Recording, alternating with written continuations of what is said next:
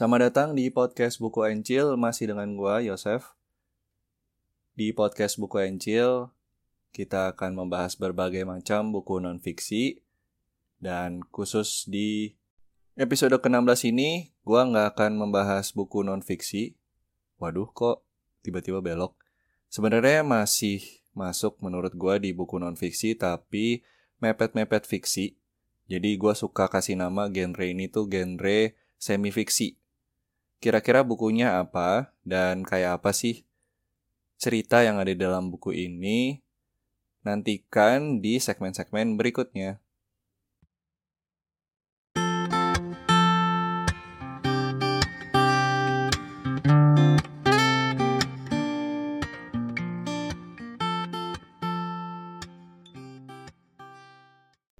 Di sini ada yang sudah pernah nonton film The Social Network belum?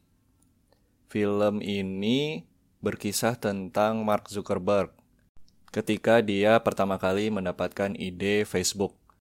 Gue suka tagline dari filmnya yang mengatakan bahwa lu nggak bisa punya 500 juta teman tanpa membuat paling nggak seorang musuh. Waktu gue mau nonton filmnya juga ekspektasi gue nggak terlalu tinggi. Karena gue cukup tahu juga ceritanya. Tapi ternyata Social Network ini adalah salah satu film yang paling bagus menurut gue. Udah berkali-kali nonton dan biasanya gue nonton Social Network kalau lagi butuh motivasi kerja karena menurut gue film ini bisa ngasih semangat untuk jadi seorang entrepreneur atau paling enggak bisa merealisasikan apa pun itu yang kita percayai. Seperti yang mungkin kita sudah tahu juga ya, proses Mark Zuckerberg bisa membuat Facebook itu nggak lancar-lancar amat. Dia sempat ada konflik dengan Winklevoss bersaudara yang mengatakan kalau Facebook itu hasil curian Mark Zuckerberg dari ide mereka. Walaupun di filmnya sudah pasti didramatisasi, tapi menurut gua dari pokok ceritanya sendiri banyak yang bisa kita pelajarin. Nah, kenapa gue tiba-tiba membahas film The Social Network? Karena buku yang gue bahas sekarang berjudul The Anti-Social Network. Dan bukan cuma judulnya aja yang mirip, tapi buku ini memang ditulis oleh penulis yang sama dengan penulis buku The Social Network, yaitu Ben Mesrich. Jujur aja gue nggak baca buku The Social Network itu sendiri, karena udah keburu nonton filmnya. Gak menyesal juga sih nonton filmnya karena menurut gue bagus. Tapi dua buku berikutnya dari Ben Mesrich itu gue baca. Yang pertama Bitcoin Billionaires. Yang kedua yang akan gue bahas di episode ini yaitu The Anti-Social Network. Isi bukunya secara umum mirip-mirip seperti film The Social Network. Jadi banyak kejadian-kejadian nyata yang dikasih bumbu-bumbu dramatisasi supaya bisa menarik perhatian kita. Nah, cara bercerita kayak gini nih yang gue suka sebut sebagai semi-fiksi. Kenapa semi-fiksi bukan based on true story? Karena menurut gue frase based on true story itu udah terlalu banyak dipakai dengan tidak tepat. Jadi film yang cuma ngambil sedikit doang dari kehidupan nyata tapi bilangnya based on true story. Nah, kalau buku-buku Ben Mesrich, tiga buku yang gue tahu itu semuanya semi fiksi dan porsi cerita yang sesuai dengan dunia nyata itu cukup besar. Nah, begitu juga di The Anti-Social Network. Seperti apa ceritanya dan kira-kira kejadian apa yang digambarkan di buku ini akan gue bahas di segmen berikutnya.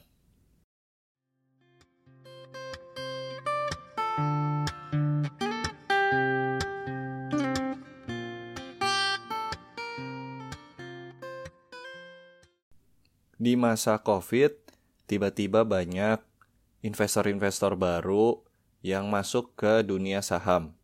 Entah apa alasannya, mungkin karena banyak orang yang jadi nganggur di rumah, nggak tahu mau ngapain, dan uang yang biasanya dipakai buat ngopi-ngopi cantik juga tiba-tiba kekumpul jadinya kepikiran untuk investasi. Dan salah satu bentuk investasi yang selalu terlihat bombastis setiap tahun adalah investasi saham. Begitu juga di Amerika Serikat. Karena penambahan investor-investor baru ini, orang-orang jadi mulai mencari-cari bagaimana sih caranya investasi di saham yang menguntungkan. Dan kalau di Amerika Serikat sendiri, banyak yang mencari inspirasi untuk investasi dari forum Reddit. Mungkin kalau di Indonesia Reddit ini kayak Kaskus ya zaman dulu. Uniknya ketika begitu banyaknya investor yang ngobrol-ngobrol sambil kirim-kiriman meme di Reddit mulai terorganisasi secara sporadis tiba-tiba pada bulan Januari 2021 ada sebuah kejadian yang sangat mengagetkan di dunia investasi saham. Emang sebenarnya saham itu apa sih? Simple banget, saham itu ya bukti kepemilikan kita terhadap suatu perusahaan. Oh iya, gue pastikan gue ini bukan orang yang backgroundnya finance sama sekali. Jadi semua yang gue ceritakan tentang dunia finansial dan investasi, jangan langsung ditelan begitu aja ya. Oke, jadi balik lagi di tahun 2021 bulan Januari, saham dari sebuah perusahaan yang namanya GameStop, yaitu perusahaan yang menjual video game dan pernak-pernik tentang game di berbagai mall di Amerika Serikat, tiba-tiba naik secara drastis. Kenaikan harga suatu saham itu biasanya terkait dengan kinerja perusahaannya. Nah, kalau misalnya GameStop ini cukup aneh karena perusahaan yang menjual video game di mall pada masa COVID kan artinya jumlah pengunjung pasti berkurang juga kan secara drastis. Tapi harga sahamnya malah naik.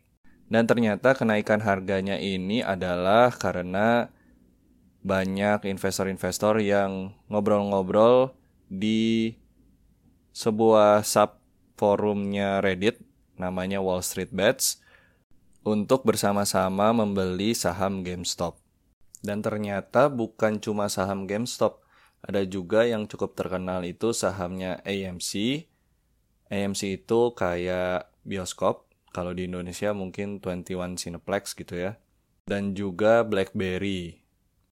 Ketiga perusahaan itu sudah dipastikan secara kinerja pada bulan Januari 2021 sebenarnya tidak ada perubahan yang sangat signifikan, tapi sahamnya bisa naik berkali-kali lipat. Buku The Antisocial Network punya latar belakang cerita tentang peristiwa mengagetkan naiknya saham perusahaan-perusahaan ini, yang kemudian banyak media menyebut sebagai meme stock atau saham meme. Jadi saham yang dikaitkan bukan dengan kinerja perusahaannya lagi, tapi dengan bercandaan di sebuah forum. Sejauh ini mungkin sangat kental dengan nuansa dunia finance banget ya. Tapi sebenarnya di buku The Anti-Social Network ini menariknya fokus utama dari pembahasan itu bukan tentang saham ataupun tentang dunia finansial atau investasi, tapi fokusnya adalah orang-orang yang secara kebetulan mereka ikut-ikutan di Reddit subforum Wall Street Bets. Kemudian mereka ikut membeli saham GameStop dan tiba-tiba dapat durian runtuh. Buku ini mengeksplor seperti apa sih kehidupan mereka sebelum kejadian meme stock ini, kemudian juga pada saat kejadian dan konklusinya dari kehidupan mereka. Dan bukan cuma orang-orang yang ikutan beli GameStop aja, tapi ada juga dari sisi orang-orang yang dirugikan, yaitu investor besar yang gue simplifikasi aja mereka taruhan kalau GameStop ini pasti harga sahamnya turun atau bahkan akan bangkrut di masa pandemi. Mereka jadi rugi besar-besaran ketika harga saham GameStop tiba-tiba naik. Jadi secara garis besar, buku ini seolah menceritakan tentang kisah Daud melawan Goliat. Kalau diibaratkan dengan cerita ini, berarti ketapelnya itu saham GameStop. Dan Daudnya adalah seorang investor retail. Investor retail itu artinya seorang investor pribadi, bukan perusahaan besar, yang bernama Keith Gill. Keith Gill ini adalah seorang investor pribadi yang juga suka berbagi tentang hasil analisis dia di Reddit dan juga di YouTube. Nah, dia ini sudah berbulan-bulan sebelum kejadian meme stock investasi di saham GameStop dan juga berkali-kali membagikan hasil analisisnya sampai-sampai banyak orang yang ngatain dia gila karena dia naruh awalnya itu sekitar 50-an ribu USD atau mungkin 700 juta di saham GameStop Kemudian banyak yang ngata-ngatain dia, bilang dia kebanyakan mimpi. Tapi dia bukannya ragu, dia malah ngelanjutin investasi di saham GameStop sampai lebih dari 110 ribu USD. Atau mungkin kayak 1,6 miliar. Kalau kita ibaratin di Indonesia, mungkin gua ngasih contoh aja. Ada orang yang di masa pandemi mall-mall pada tutup, tapi investasi satu setengah miliar di perusahaan yang masih jualan lewat toko, kayak Ramayana atau Matahari. Pasti orang akan mempertanyakan keputusannya. Emang apa sih yang menarik dari GameStop sehingga berani-beraninya masukin uang sebanyak itu? Nah, gue nggak akan terlalu mendalami bagian investasinya sendiri tapi gue lebih suka, seperti halnya yang dibahas di buku, menyoroti orang-orang atau investor-investor retail lain yang juga ikut menaruh uang di saham GameStop. Setelah mereka membaca tentang cerita Keith Gill di Reddit maupun nonton videonya di YouTube. Bisa dibilang jumlah orang yang dibahas di buku ini banyak banget. Jadi ada bedanya dengan The Social Network yang fokusnya adalah Mark Zuckerberg. Di buku ini walaupun fokus ke Keith Gill, tapi porsinya dia itu nggak terlalu banyak. Banyak juga ngebahas tentang orang-orang lain yang profesinya itu sama sekali nggak ada hubungannya dengan investasi saham sebenarnya.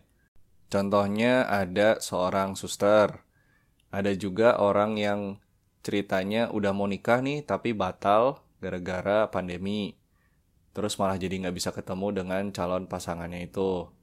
Ada juga seorang mahasiswa idealis yang sampai dengan akhir bukunya ini ceritanya dia masih nggak mau juga ngejual saham GameStop-nya walaupun dia udah untung berkali-kali lipat. Ada juga cerita tentang uh, keluarga kaya yang anaknya beli saham GameStop kemudian cerita ke bapaknya dan bapaknya juga jadi ikut-ikutan ketiban durian runtuh karena beli saham GameStop juga. Secara implisit di dalam buku ini diceritakan mengenai bagaimana sebuah event yang sangat tidak mungkin ini mengubah hidup banyak orang sebenarnya.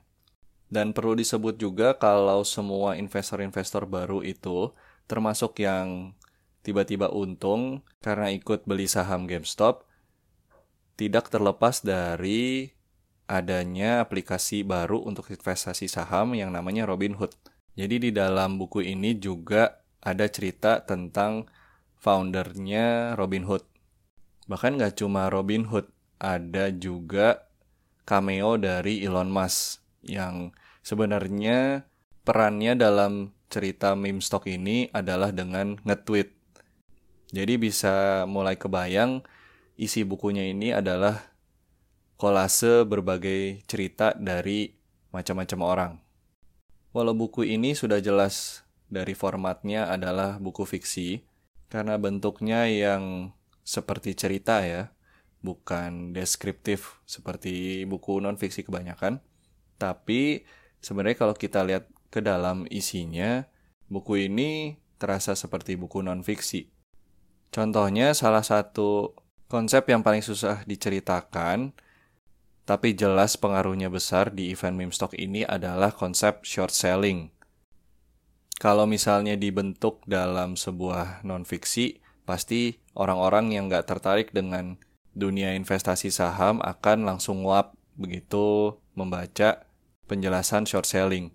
Tapi Ben Mesrich di dalam buku ini menggabungkan bentuk fiksi, yaitu sebuah cerita, untuk menjelaskan short selling dengan cara menganalogikan seperti donat. Jadi nggak terlalu membosankan.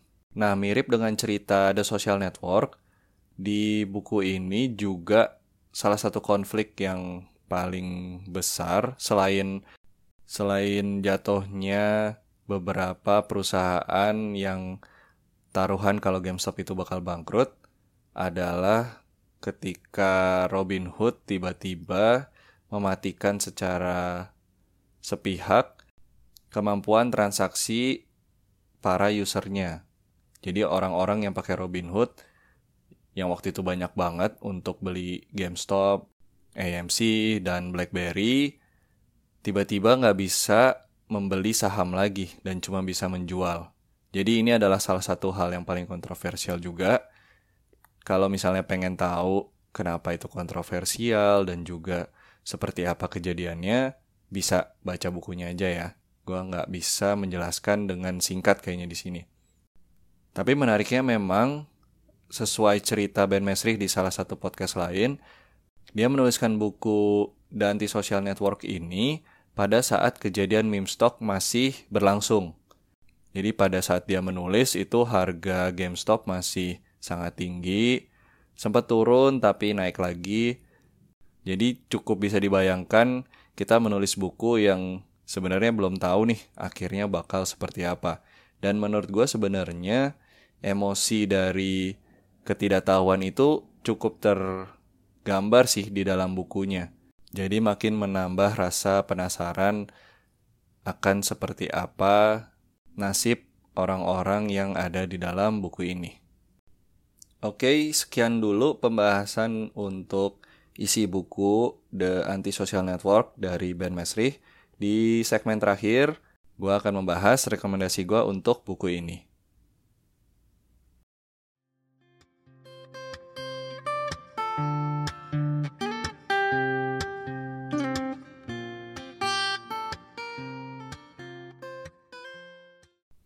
Bagi kalian yang memang tertarik di dunia investasi saham, kemudian pengen tahu intrik-intrik di dalamnya, buku ini bisa menjadi suatu penyegar di antara buku-buku saham lain yang mungkin terlalu rumit.